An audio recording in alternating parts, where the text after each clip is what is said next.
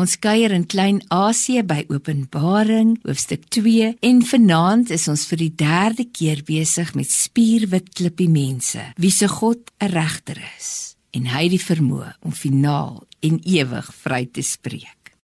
Ons lees nog eens uit Openbaring hoofstuk 2 vers 17. Aan elkeen wat aanhou oorwin, sal ek van die weggesteekte manna gee, asook 'n wit steentjie met 'n nuwe naam opgegraveer wat niemand anders ken nie behalwe die een wat dit ontvang het. Pergamum was ook die hoë regshof stad van Klein-Asië. Hier het die hoofregter die reg van die swaard gehad. Dit wil sê die reg oor dood en lewe. Hy kon die doodstraf oplê. Van daardie verwysing in vers 12 na die tweesnydende swaard in die hand van die Here. Maar anders as die hoofregter het ons Here se swaard nie net een snykant nie, maar twee.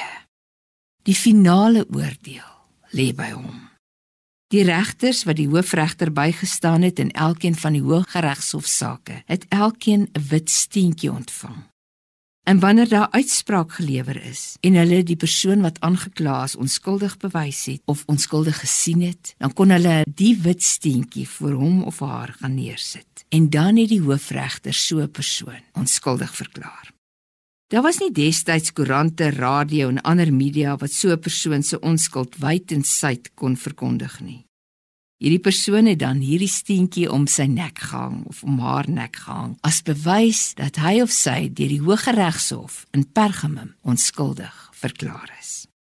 Jesus sluit elke keer in al hierdie verhale en stories wat in elkeen van die gemeentes afgespeel het, hulle werklikheid. Hy sluit elke keer daarby aan. En daarom gee hy aan die inwoners van Pergamum hierdie spierwit steentjie. Hulle het hom as hulle saligmaker en hulle verlosser aangeneem. Hy het al hulle skuld gedra. Die swaard wat oor hulle koppe gehang het omdat hulle ver van God af geleef het, het hy opgeneem.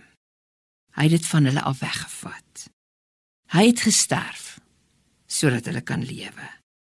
Hulle is vrygespreek, onskuldig verklaar. Wanneer ek en jy na Jesus toe kom met ons lewe vol foute en gebreke, verdien ons eintlik maar net die dood. Jesus spreek egter elkeen vry wat hom aanroep en in hom glo. En hy sê vanaand van jou wat in hom glo. Onskuldig. Ek het klaar vir jou sonde betaal. Moet aan niks meer dra wat ek reeds gedra het nie.